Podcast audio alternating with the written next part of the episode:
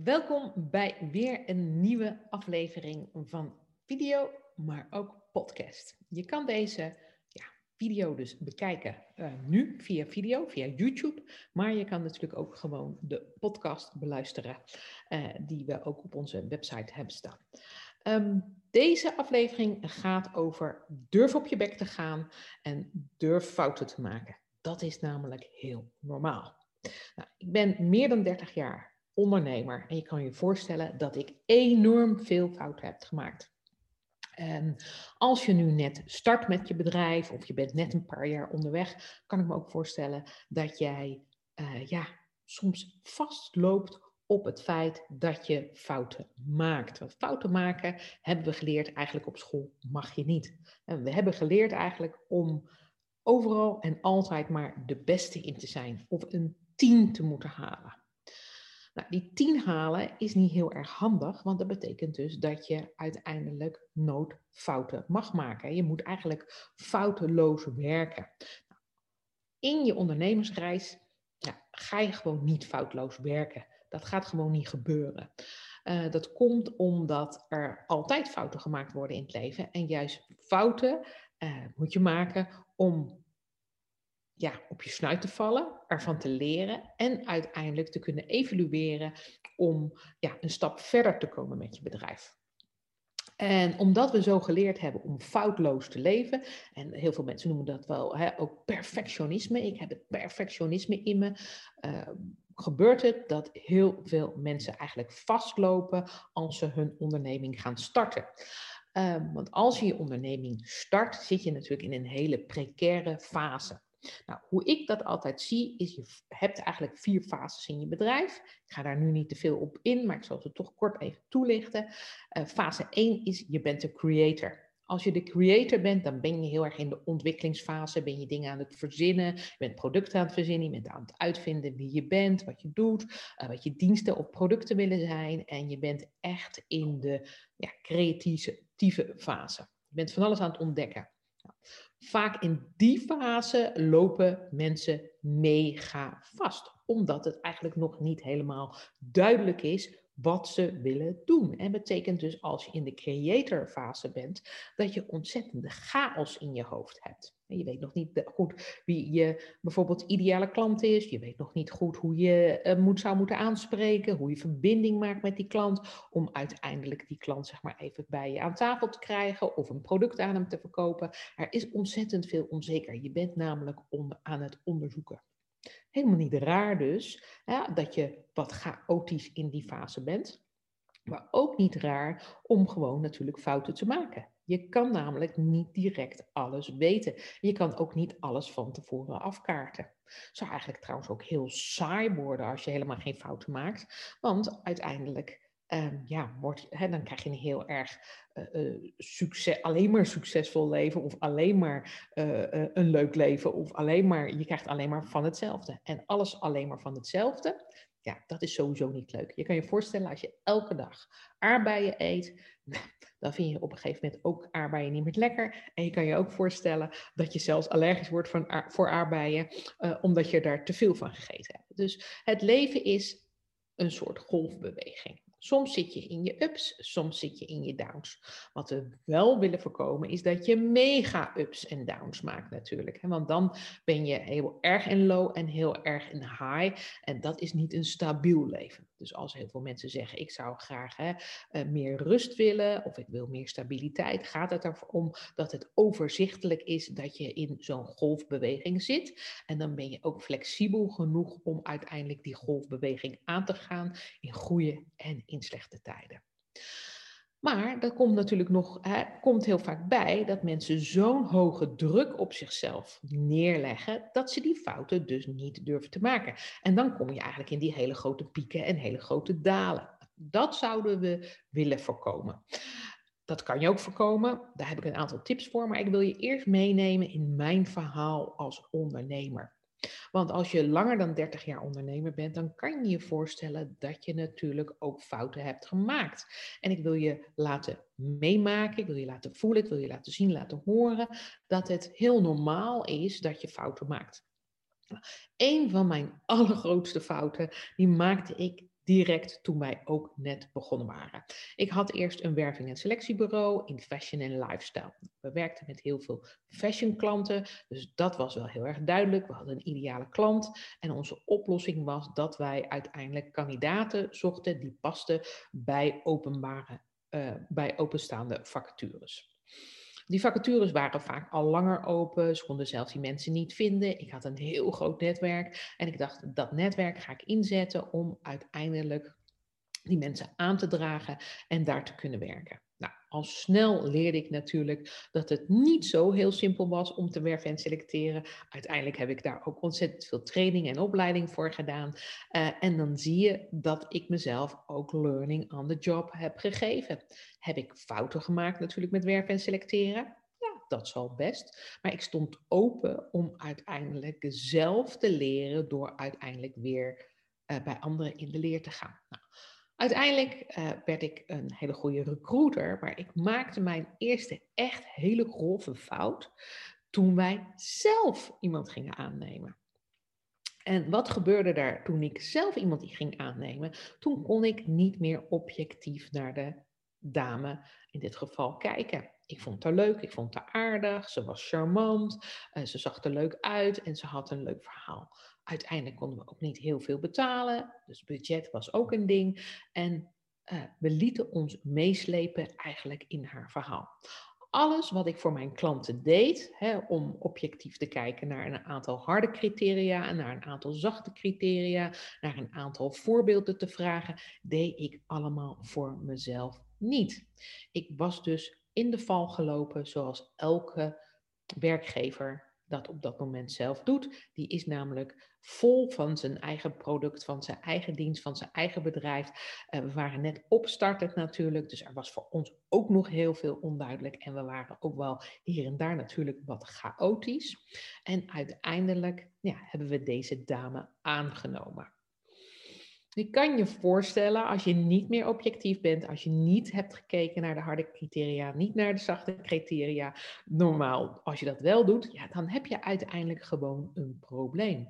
Deze dame bleek ook daadwerkelijk echt een probleem te zijn. Uh, want ze kon uiteindelijk helemaal niet meekomen met mij en mijn partner, waar ik op dat moment het bedrijf mee leidde. Wij hadden zo'n hoog tempo van werken, we hadden zo'n hoog tempo van denken, van schakelen. Uh, de partner was mijn man en dat betekent dus dat wij onderling ook nog, zeg maar even, onbewuste taal met elkaar spraken, waar ja, zij totaal niet van bewust was. Wij ook niet. Wij wisten ook niet dat we die taal spraken. We hadden dus niet goed in kaart gebracht uiteindelijk wat we van die nieuwe collega verwachten en waar we vonden waar ze aan moest voldoen. En dat is natuurlijk super stom, want we waren zelf een werving- en selectiebureau en we maakten één van de grofste fouten en dat was niet opschrijven waar iemand aan moest voldoen. Best gek toch, als je denkt dat je het voor een ander weet en jezelf een mega fout gaat maken of hebt gemaakt uh, als je je eerste eigen werknemer aanneemt. Nou, dat ging ons natuurlijk niet in de koude kleren zitten. De dame was op zich verder helemaal aardig en prima, maar het was gewoon niet fijn dat ze natuurlijk niet het tempo kon bijbenen waarop wij tekeer gingen. Op dit moment noemen ze me nog steeds de tornado, dus je kan je voorstellen dat ik toen ook een tornado was, maar dan maal drie, want ik was dan nog wat jonger. Uh, dus uiteindelijk was het ook natuurlijk voor de dame die bij ons werkte heel erg sneu, want zij dacht ook een leuke nieuwe baan te hebben gevonden. Nou, wat je daarvan kan leren is, ik kan mezelf natuurlijk mega op de kop geven dat ik fout heb gemaakt. Maar uiteindelijk accepteerden we, we baalden er wel mega van, want uiteindelijk moesten we weer op zoek naar een nieuwe collega en stopte zij binnen vier maanden. En zij vond ons te heftig, te sterk, te sterk in communicatie. Ze vond ons te snel. Uh, en alles, zeg maar even wat wij heel normaal vonden, dat vond zij allemaal niet. Ja? Wat hebben we daar uiteindelijk van geleerd? Is dat wij veel beter moesten weten wat wij van iemand verwachten, bijvoorbeeld. En wat de taken zouden zijn. We moesten dat ook op gaan schrijven. We moesten veel helderder krijgen wat de doelen waren, wat wij van diegene verwachten. En wij gingen eigenlijk aan de slag in het enthousiasme waar wij mee aan de slag gingen. En we hadden dat niet helder gesteld. Ook moet je ook bedenken als je met iemand gaat werken, ook met een leverancier of in de verkoop, of als je iemand gaat aannemen, of als je met een stagiair gaat werken, weet dat jij onbewuste taal spreekt die jij niet letterlijk met je mond uitspreekt, maar je wel vaak van mensen verwacht. Dat is heel erg raar, maar er zijn dus, er is onbewust, is er dus taal die jij, ja, zeg maar even, uh, wel verwacht van mensen, uh, maar niet uitspreekt. En dat komt omdat het voor jou mega normaal is. Dat komt omdat het jouw blinde vlek is. We hebben normen en waarden met elkaar. Ik heb met mijn partner normen en waarden en wij gaan zo goed met elkaar, omdat we uiteindelijk dezelfde normen en waarden hebben. Dus we leerden op dat moment door die fout te maken heel erg uh, over onszelf, dat wij dus die taal hadden die helemaal niet duidelijk was, die ook helemaal niet op papier stond, maar we eigenlijk ook eerst niet, helemaal niet van wisten dat die bestond. Dus als je met je bedrijf aan de slag gaat en je wilt een fout voorkomen, schrijf dan op wat jij onbewust verwacht van mensen. En ik zie die fout op dit moment nog steeds bij heel veel bedrijven en ook zelfs bij grote bedrijven voorkomen, dat ze gewoon niet weten wat ze eigenlijk van hun personeel zonder die taal, die, die, die geheime taal, wat ze ervan van verwachten. Nou, wij hebben dat uiteindelijk in kaart gebracht. En wat we nu ook wel zeggen, er hangt vaak een cultuur in een bedrijf. En die cultuur, dat vind jij en ik en iedereen die in het bedrijf werkt, die vindt dat heel normaal. Maar uiteindelijk is dat zeg maar even een cultuur die niet wordt uitgesproken, maar er worden wel verwachtingen van je verwacht.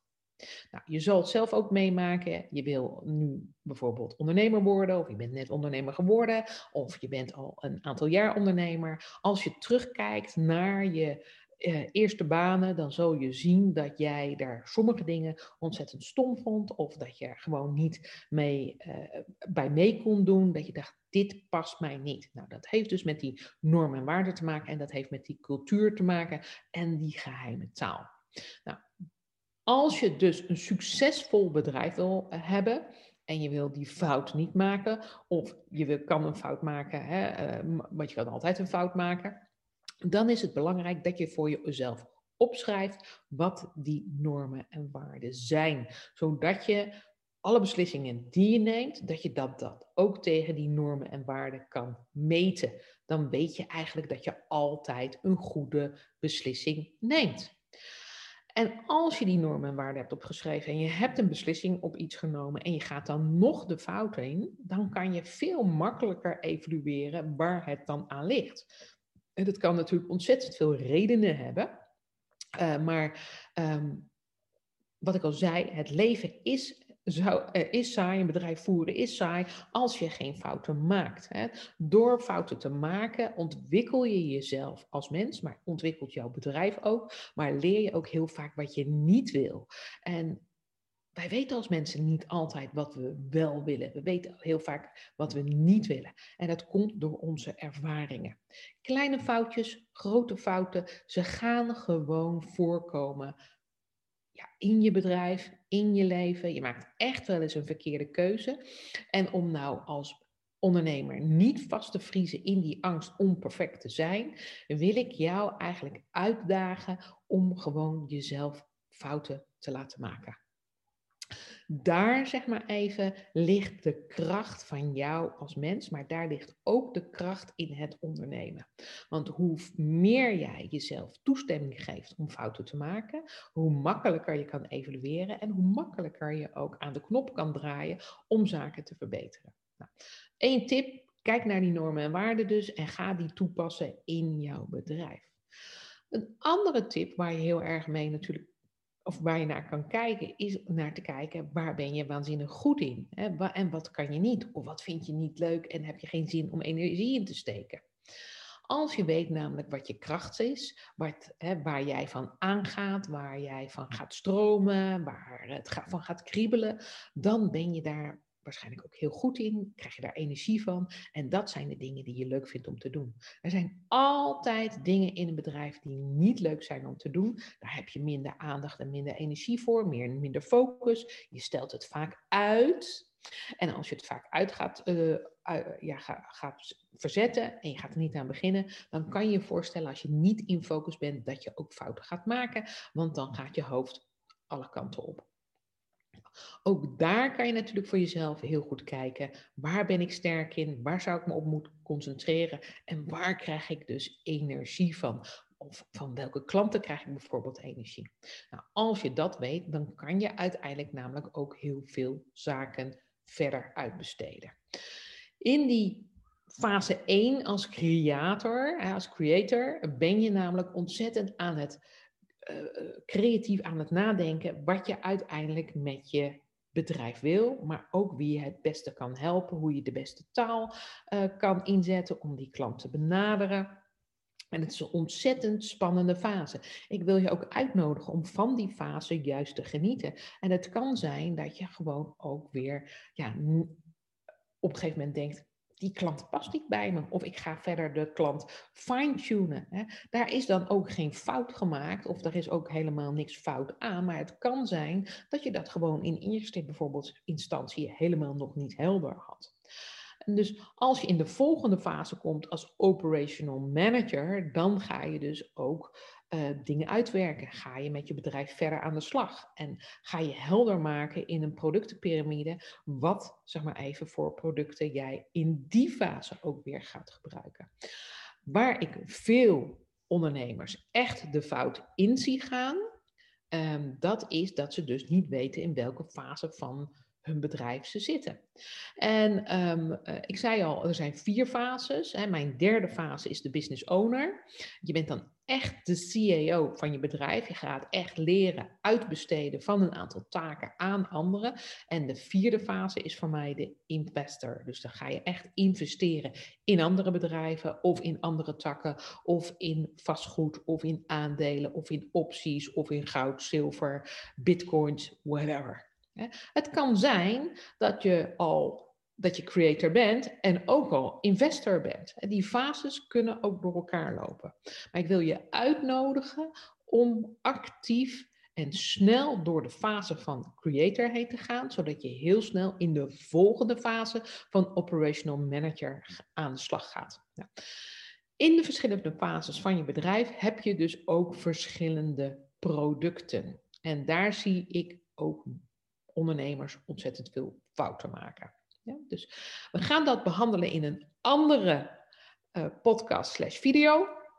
Dus wil je daar meer van weten, dan zullen we hier uh, onder of uh, bij de podcast, dan kan je zien dat we daar een andere aflevering voor hebben.